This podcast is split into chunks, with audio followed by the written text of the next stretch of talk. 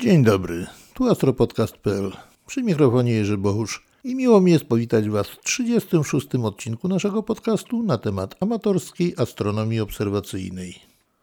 W 34 odcinku mówiliśmy na temat złudzeń, jakim ulegają obserwatorzy badający powierzchnię Księżyca, której wygląd bardzo drastycznie i radykalnie zmienia się pod wpływem zmian oświetlenia, a także o pewnych nadinterpretacjach tego, co widzieli, co prowadziło do różnych dziwnych sytuacji i dziwnych wyobrażeń na temat powierzchni Księżyca i jego ukształtowania. W dzisiejszym odcinku zastanowimy się nad tym, czy na powierzchni Księżyca zachodzą realnie jakieś zmiany.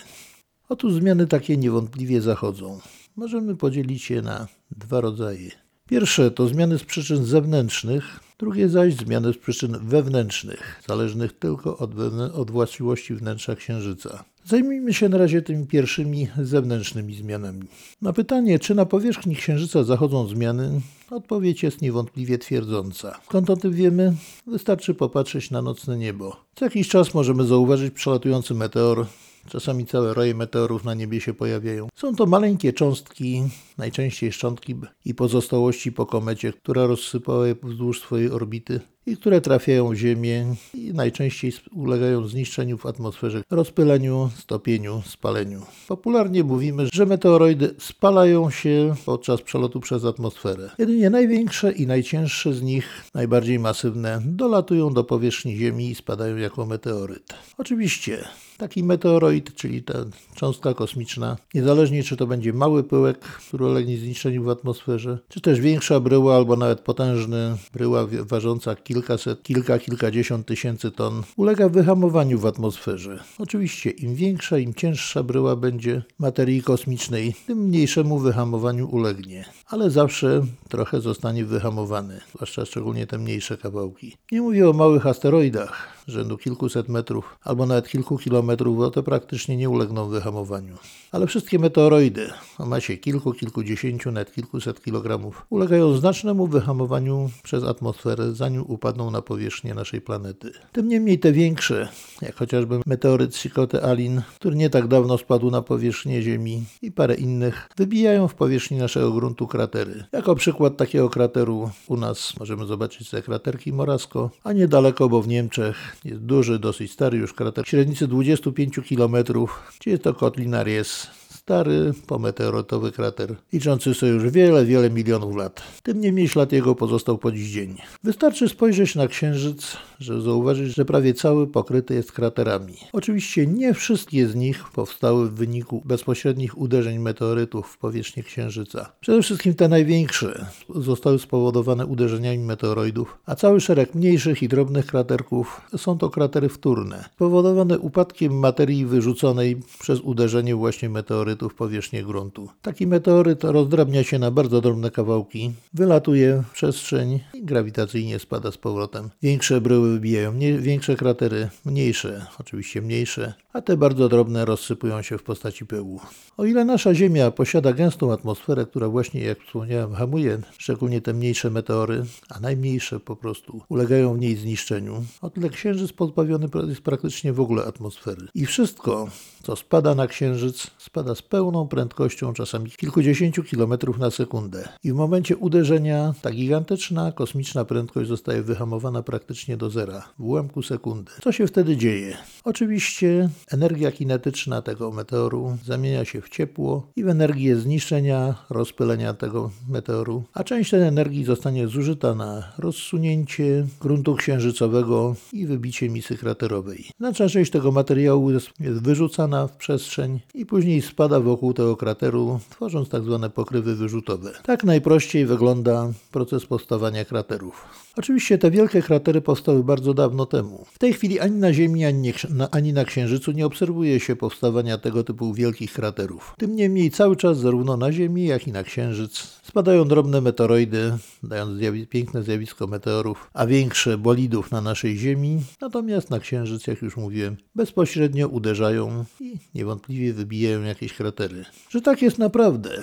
Można było zobaczyć chociażby na próbkach gruntu księżycowego przywiezionych przez astronautów, gdzie niektóre z nich pokryte są szklistą warstwą i mikrokraterami, właśnie powstałymi przez wybicie przez drobne cząstki czasami nawet najdrobniejsze po prostu, nawet większe cząstki promieniowania kosmicznego. Tak samo większe fragmenty, większe meteoroidy, uderzając w powierzchnię Księżyca, powodują powstawanie kraterów. A że wydziela się przy tym dużo ciepła, wiadomo też, że się materia bardzo nagrzewa, następuje rozbłysk. My jako obserwatorzy możemy właśnie zaobserwować powstawanie tych kraterów na Księżycu. Oczywiście samych kraterów nie zaobserwujemy, ponieważ są one na tyle małe, że nie są widoczne z Ziemi przez teleskopy, szczególnie te dostępne dla amatorów, ale możemy zarejestrować moment uderzenia, czyli rozbłysk. Taki rozbłysk trwa około 1,1 sekundy i zawsze ma kolor czerwono-pomarańczowy. Dlaczego o tym wspominam?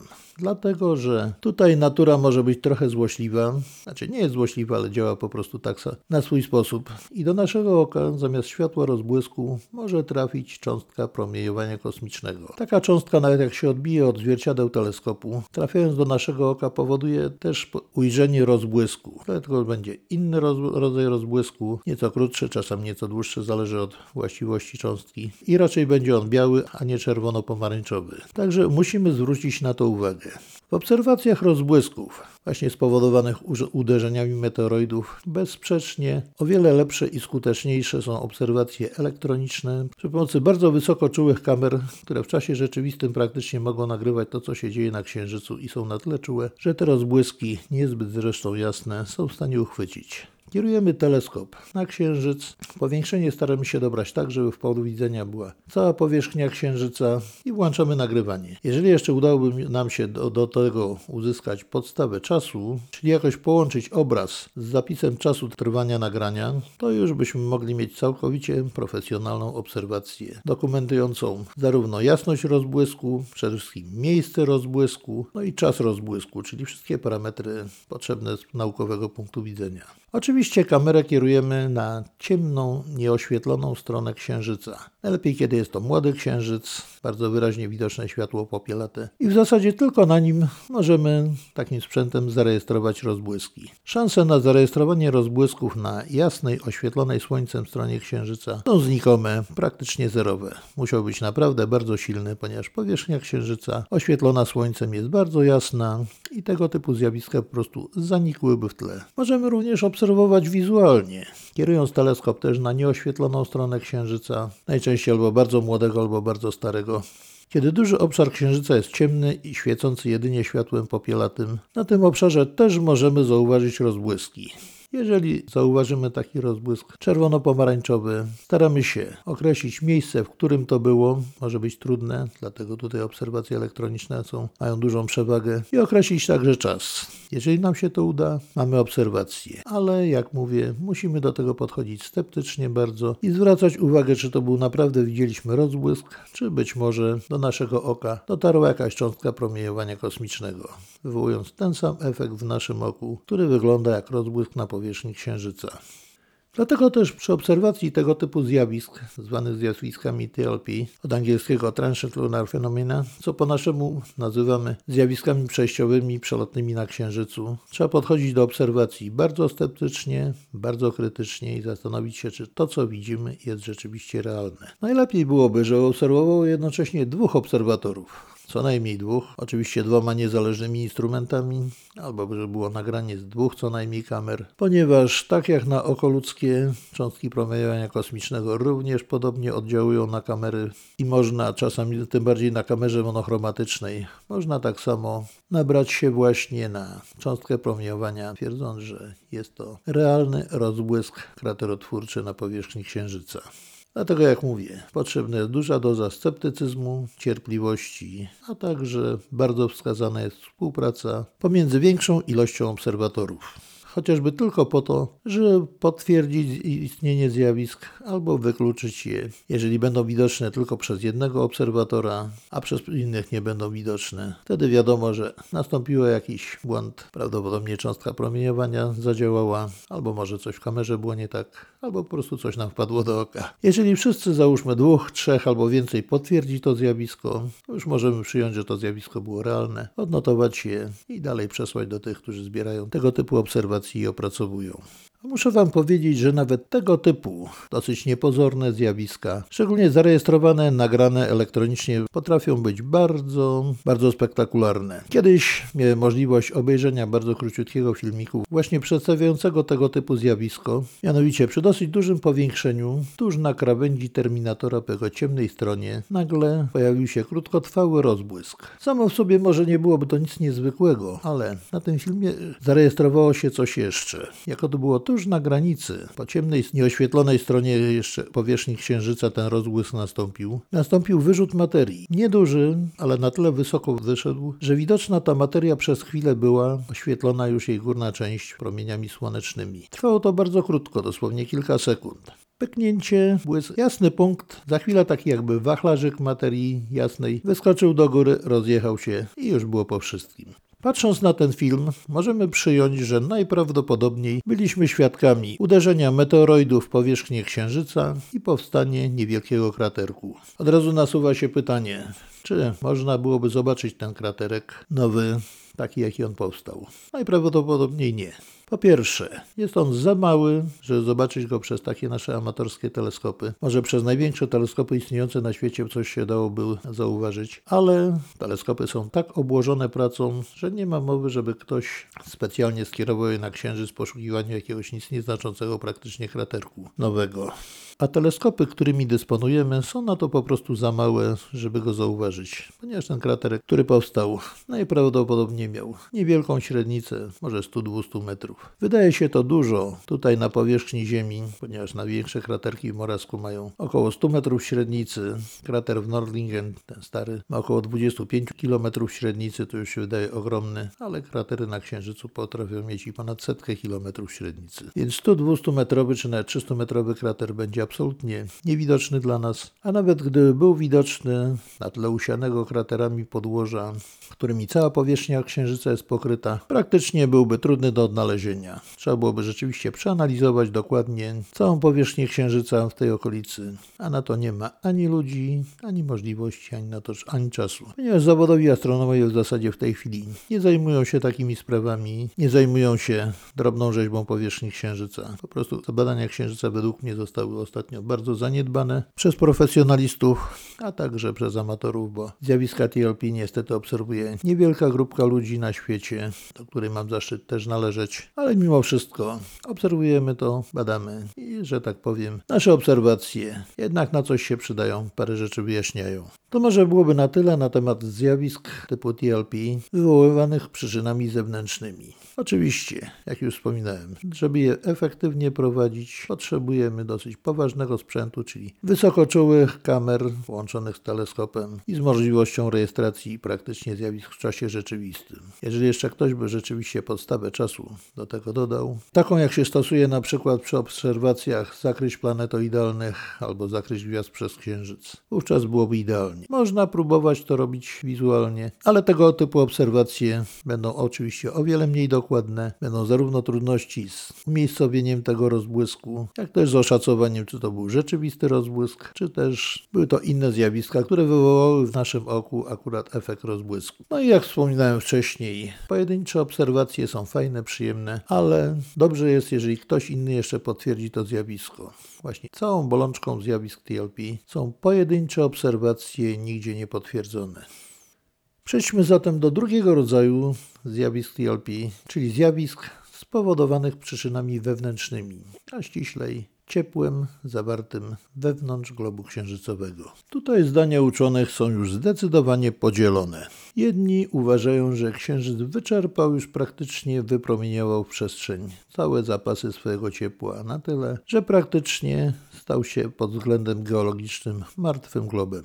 Inni zaś uważają, że księżyc mimo wszystko zachował jeszcze dostateczną ilość wewnętrznego ciepła, na tyle pokaźną, że może spowodować to jakieś szczątkowe, niewielkie efekty w postaci zjawisk wulkanicznych typu erupcje gazów, trzęsienia księżyca i różne temu podobne zjawiska. I chociaż księżyc jest o wiele mniejszy od Ziemi, lżejszy, zebrał przy swoim powstaniu o wiele mniej ciepła, a szybciej wypromieniował jako mniejszy obiekt, to jednak osobiście uważam, że Księżyc nie jest jeszcze całkowicie geologicznie martwy. Chociażby tylko dlatego, że według najnowszych badań okazuje się, że to żelazne tam jądro według czy tam półpłynne jądro w środku Księżyca otoczone jest bardzo grubą warstwą substancji skał, które bardzo słabo przewodzą ciepło.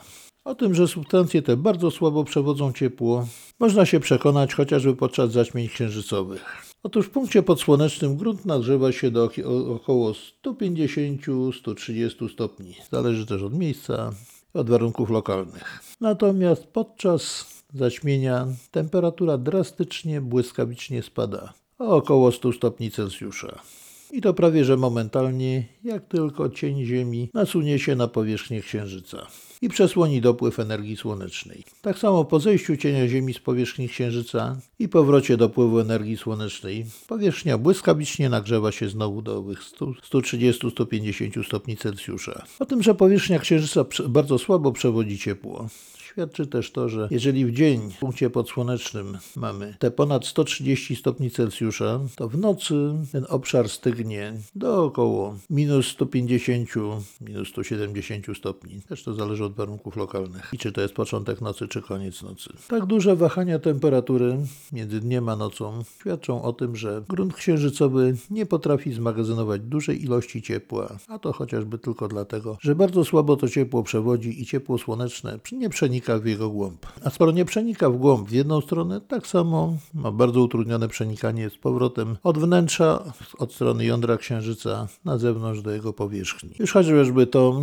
jest jakąś przesłanką do tego, że mimo wszystko Księżyc nie utracił jeszcze całego ciepła i mogą tam zachodzić jakieś szczątkowe zjawiska typu geologicznego, a mówiąc tak bardziej prosto, zjawiska typu wulkanicznego. Oczywiście nie spodziewajmy się wybuchu wulkanów takich jak na Hawajach czy na Islandii, efektownych, bardzo groźnych, groźnych, bardzo wielkich, albo nawet czegoś takiego jak nasza poczciwa Etna na Sycylii, dymiąca co, co chwilę i co chwilę wyrzucająca jakąś magmę. Raczej na to nie liczmy. Będą to raczej jakieś wyrzuty gazów, erupcje, wyrzuty pyłu, tego typu zjawiska, ale mimo wszystko istniejące i są dowody na to, że one istnieją. Jak już mówiłem, zjawiska typu TLP czyli te przejściowe na Księżycu, wymagają od obserwatora dwóch cech. Po pierwsze, bardzo dużej dozy cierpliwości, ponieważ są niesłychanie rzadkie tak naprawdę. Nie zdarzają się na co dzień i nie są tak bardzo spektakularne. A po drugie, bardzo dużej dozy sceptycyzmu podczas obserwacji, ponieważ istnieje bardzo wiele czynników,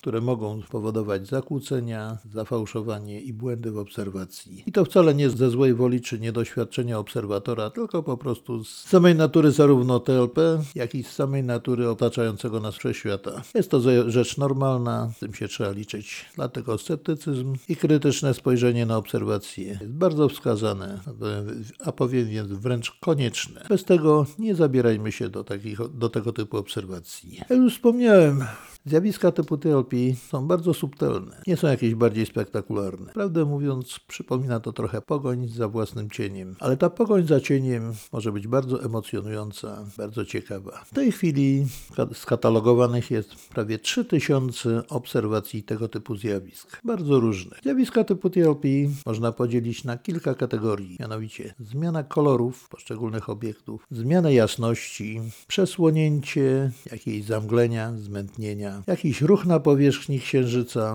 jakieś zmiany cienia księżycowego. Tego typu zjawiska po prostu dosyć dziwne, tajemnicze, ale rejestrowane są od czasów praktycznie przedteleskopowych, a szczególnie często od czasu, kiedy, kiedy Galileusz wynalazł teleskop i odtąd ludzie zaczęli kierować swoje teleskopy na powierzchnię Księżyca. Oczywiście, część z tych raportów od razu na pierwszy rzut oka wygląda jak, że to są jakieś złudzenia, ale część jest naprawdę bardzo tajemnicza i intrygująca. I chociaż są to zjawiska bardzo rzadkie, bardzo subtelne, tym niemniej są realne, na co jest dowód w postaci obserwacji, którą 2 listopada 1958 roku dokonał radziecki astronom Kozyriew, obserwując krater Alfons, jego górkę centralną, która pojaśniała dosyć gwałtownie, lekko zmieniając barwę pomiędzy czerwonym a białym. I wszystko byłoby fajnie, można było zakwestionować, gdyby nie jeden fakt. Kozyriew wiedział, co robił, wiedział, czego szukał i wyposażył główny teleskop, dosyć spory, spektrograf i udało mu się zdjąć spektrogram tego zjawiska, na którym rzeczywiście widać, że coś się tam na Księżycu dzieje. Inny jest spektrogram w momencie, kiedy nie było aktywności księżycowej, a zupełnie inny, co widać na pierwszy rzut oka, jest spektrogram, kiedy ta aktywność zaistniała. Mamy więc namacalny dowód, który możemy zbadać, który możemy wielokrotnie w różnych warunkach przebadać, różnie interpretować, a poparty jeszcze obserwacjami zarówno wizualnymi, jak i fotograficznymi. Może nas upoważniać do wyciągnięcia wniosków na temat realności istnienia tego typu zjawisk. Ta obserwacja była tak ciekawa, i tak ważna, że nie będę się teraz nad nią rozwodził. Postanowiłem poświęcić dla niej zupełnie osobną audycję i wtedy opowiemy sobie dokładnie, jak to wszystko przebiegało, bo to też te obserwacje dosyć dramatycznie przebiegały, a były niezmiernie ciekawe. Jeżeli chcielibyście obserwować takie rzeczy, można to robić na dwa sposoby. Można obserwować cały księżyc, rozglądając się po nim i szukając czegoś niezwykłego. Można, ale w sposób mało efektywny. Drugi sposób obserwować miejsca, które znane są z takiej aktywności księżycowej, które były raportowane, takie jak na przykład krater Arystarch, krater Alfons, właśnie ten, który Kozyrew obserwował, takie kratery jak Proklus, Censorinus, oczywiście Tycho. Jeszcze można do tego dorzucić parę innych miejsc takich, takich jak już prawie flagowy pod tym względem krater Platon, czy też krater Teofilus. Nie wspomnę już o tym, że obserwowano często zamglenia na przylądku Agar na Morzu Kryzysów. Jeżeli chcemy badać zjawiska typu TLP, warto obserwować właśnie te miejsca, wybrać sobie takich parę, które z pewnych względów najbardziej nas interesują i po prostu obserwować i patrzeć, co się dzieje. Ale znów, żeby efektywnie prowadzić te obserwacje, musimy spełnić parę warunków. Po pierwsze, dobrze znać powierzchnię Księżyca, a przynajmniej tych obserwowanych utworów, i wiedzieć, jak zmienia się jej wygląd pod wpływem zmian oświetlenia, bo wraz ze zmianami położenia Słońca, wysokości Słońca nad księżycowym horyzontem, nad tymi obiektami, ich wygląd zmienia się tak bardzo, że można rzeczywiście zmiany oświetlenia wziąć za realne zjawiska typu TLP. To też dosyć często było czynione. Po drugie, jeżeli byśmy patrzyli, szukali na przykład zmian kolorów, to te realne zmiany kolorów są bardzo subtelne. Nie myślcie, że to wygląda tak, jak ktoś mazakiem napisał czerwonym, pomarańczowym czy fioletowym i że to tak od razu będzie na pierwszy rzut oka widoczne. Nie, to nie tak. Najbardziej znowu charakterystyczną rzeczą, którą zobaczono w kraterze Arystarch, to było zjawisko obserwowane 30 października 1963 roku, a następne 28 listopada tegoż samego roku. Amerykańscy kartografowie używając dużego 24-calowego teleskopu, czyli średnicy 60 cm, zaobserwowali właśnie zabarwienie w okolicach wołu krateru Arystarch zarówno na niebiesko, fioletowo, jak i czerwono, a także parę punktów barwnych znaleźli w tej okolicy. I to, co było wyraźnie widoczne w 24-calowym teleskopie, czyli 60 cm, pomocniczym czymś w rodzaju dużego szukacza 30-centymetrowym teleskopie, czyli 12-calowym,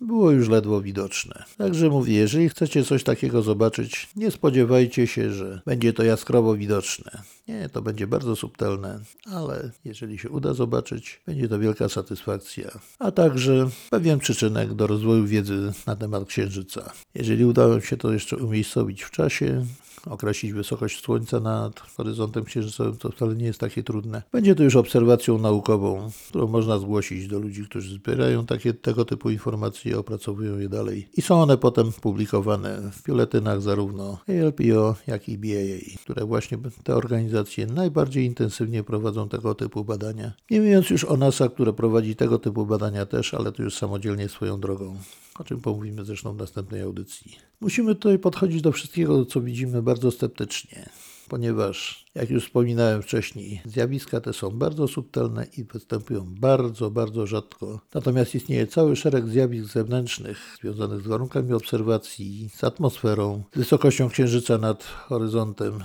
z właściwościami teleskopu, z właściwościami nawet obserwatora, jego samopoczuciem, zmęczeniem, możliwościami, które wpływają na dokładność, na przebieg tych obserwacji i mogą po prostu dać fałszywy obraz tego, co chcielibyśmy zobaczyć i zobaczymy coś, czego po prostu nie ma. Albo błędnie zinterpretujemy to, co rzeczywiście zobaczyliśmy w teleskopie i pochopnie uznaliśmy za TLP. Dlatego jeszcze raz powtarzam. Cierpliwość, sceptycyzm, uważne przypatrywanie się tym. A naprawdę warto, jest to bardzo ciekawe, fascynujące, zagadkowe. To, że z jednej strony przypomina to pogoń za cieniem, to fakt. Z drugiej strony przypomina to rozwiązywanie zagadek kryminalnych. Efemerydy, które są publikowane, podają zarówno obiekt, kto i co obserwował, kiedy i czym, a także czas dla naszych obserwacji od godziny do godziny, wtedy kiedy Słońce będzie z dokładnością do pół stopnia albo do góra do jednego stopnia tak samo oświetlało Księżyc. Kąt padania promieni słonecznych na, na ten obiekt będzie taki sam, jak w momencie obserwacji. Taki jest program zarówno LPO, jak i BAA i warto się przyłączyć do niego. Program ten ma na celu właśnie weryfikację wszystkich tych 3000 doniesień ponad, bo niektóre są bardziej wiarygodne, niektóre mniej, żeby po prostu jeszcze raz je sprawdzić i jeszcze raz, żeby dokładnie określić, uściślić, co było prawdą, co obserwatorom się wydawało, że widzieli. Ale o tym pomówimy sobie już w następnej audycji. A dla wprawy proponuję oglądać księżyc obserwować go, zapoznawać się z poszczególnymi obiektami, zwracać uwagę na ich wygląd wraz ze zmianami oświetlenia, który zmienia się czasami błyskawicznie w bardzo szybkim tempie. A księżyc naprawdę oferuje nam tyle ciekawych rzeczy do zaobserwowania, że warto poświęcić mu trochę więcej uwagi. Szczególnie wtedy, kiedy zdecydowanie przeszkadza nam w obserwacji innych rzeczy, takich jak komety, galaktyki czy inne odległe obiekty mgławicowe, które giną w jego poświacie. A naprawdę jest tyle ciekawych rzeczy, tyle zagadnień i tyle zagadek do rozwiązania, że warto troszeczkę poświęcić się temu, przyjrzeć się bliżej, zwłaszcza w te noce, kiedy księżyc i tak uniemożliwia nam cośkolwiek do zrobienia. Wtedy właśnie warto tym się szczególnie zainteresować. A że te obserwacje wciągają, po prostu troszeczkę się bawimy. W obserwatora, trochę w detektywa, bo trzeba troszeczkę pomyśleć też przy tym, czy to było realne, czy nie. To wszystko sprawia, że obserwacje tego typu są naprawdę bardzo ciekawe, bardzo wciągające i dają dużo zadowolenia, dużo satysfakcji, nawet wtedy, kiedy się okazuje, że obserwacja była negatywna, nie potwierdził się raport, ale przynajmniej wiemy dlaczego, co i jak. Poza tym mniej więcej za miesiąc czy za jakiś tam czas możemy tą obserwację powtórzyć, jeżeli będzie pogoda, w tym samym momencie, kiedy słońce będzie tak samo oświetlało je, jak podczas poprzednich obserwacji obserwacji. To wszystko jest do zrobienia, a przy współpracy z BAA i z ALPO naprawdę to wszystko przebiega gładko. Możemy się dużo nauczyć, zarówno o samym Księżycu, jak i o tych zjawiskach, a przy okazji nabrać wprawy obserwacyjnej, wprawy w posługiwaniu się teleskopem. Tych wszystkich rzeczy, które są bardzo niezbędne, bardzo cenne i po prostu nieodzowne dla obserwatora. A że tak jest naprawdę, zakończenie powiem Wam na Waszym przykładzie. Jak bardzo trzeba być sceptycznym przy tego typu obserwacjach, jak bardzo ostrożnie trzeba do, do nich podchodzić i jak warto założyć sobie, że sprawdzamy to wszystko jeszcze raz i jeszcze raz, zanim cokolwiek wypowiemy się zdecydowanie na ten temat. Otóż nie tak dawno, jeszcze temu kilka lat, stałem się szczęśliwym nabywcą i posiadaczem teleskopu Maxutowa. 18 cm średnica obiektywu, 2,70 m ogniskowa. Znany teleskop, o którym już nieraz wspominałem. Miał być głównie do obserwacji słonecznych, ale że idealnie się nadaje również do planet do Księżyca. Pierwsze światło akurat poszło w Księżyc. Wszystko było bardzo fajnie, obraz jak żyleta, Maxutow bardzo ładnie daje. O wiele lepszy niż nieco większego Newtona, zarówno 20 cm, nawet i tego 25 cm. Bardziej wyraźny, bardziej klarowny, może nie aż tak rozdzielczy, ale klarowność tego obrazu i wyrazistość rekompensowała nieco mniejszą średnicę. Piękny widok, tylko że Arystarch był niebieski. Normalnie niebieski krater. Nie to, że niebieskawy, on z natury jest niebieskawy, jak Bulialdus jest czerwonawy, ale wrednie, wyraźnie niebieski, prawie taki jak Haber na polu. Że już zajmowałem się tym zagadnieniem trochę, to pierwsza myśl, TLP. TLP może być, może nie być. No bo skąd taki niebieski? Po prostu za niebieski. Ale potem przychodzi refleksja. No dobrze, wszystko fajnie, pięknie, sceptycyzmu zawarczały, podpowiadając mi jedną rzecz że to jest pierwsze światło wpuszczone w ten teleskop. Doskonale wiedziałem, jak okulary pracują z Newtonami, jak Newton pracuje, teoretycznie nie dający żadnych zabarwień, a tutaj nowy teleskop dopiero i do tego jeszcze katadioptryczny. Czyli zarówno zwierciadlany, jak i soczewkowy, bo musimy wziąć pod uwagę, że gruba płyta soczewa, taka szklana, na wejściu do teleskopu, korygująca oczywiście promienie świetlne, tak żeby właściwie padało na zwierciadło, robi swoje.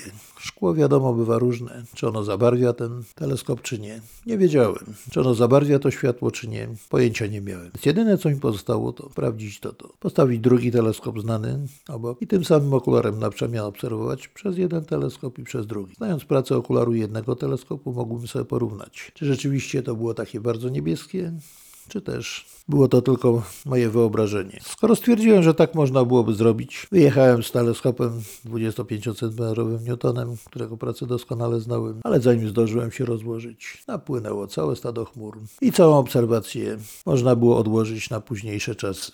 Oczywiście później człowiek już musiał wyjechać, innymi rzeczami się zajmować i powiem Wam szczerze, że do tej pory nie jestem pewien, czy to było TLP, czy też po prostu tak mi się wydawało, czy też te teleskopy zupełnie inaczej pracowały. Tego do tej pory nie jestem w stanie powiedzieć. Ale zawsze zostaje coś, co człowiekowi daje do myślenia i zachęca do ponownych obserwacji, do zgłębienia natury tego, co było.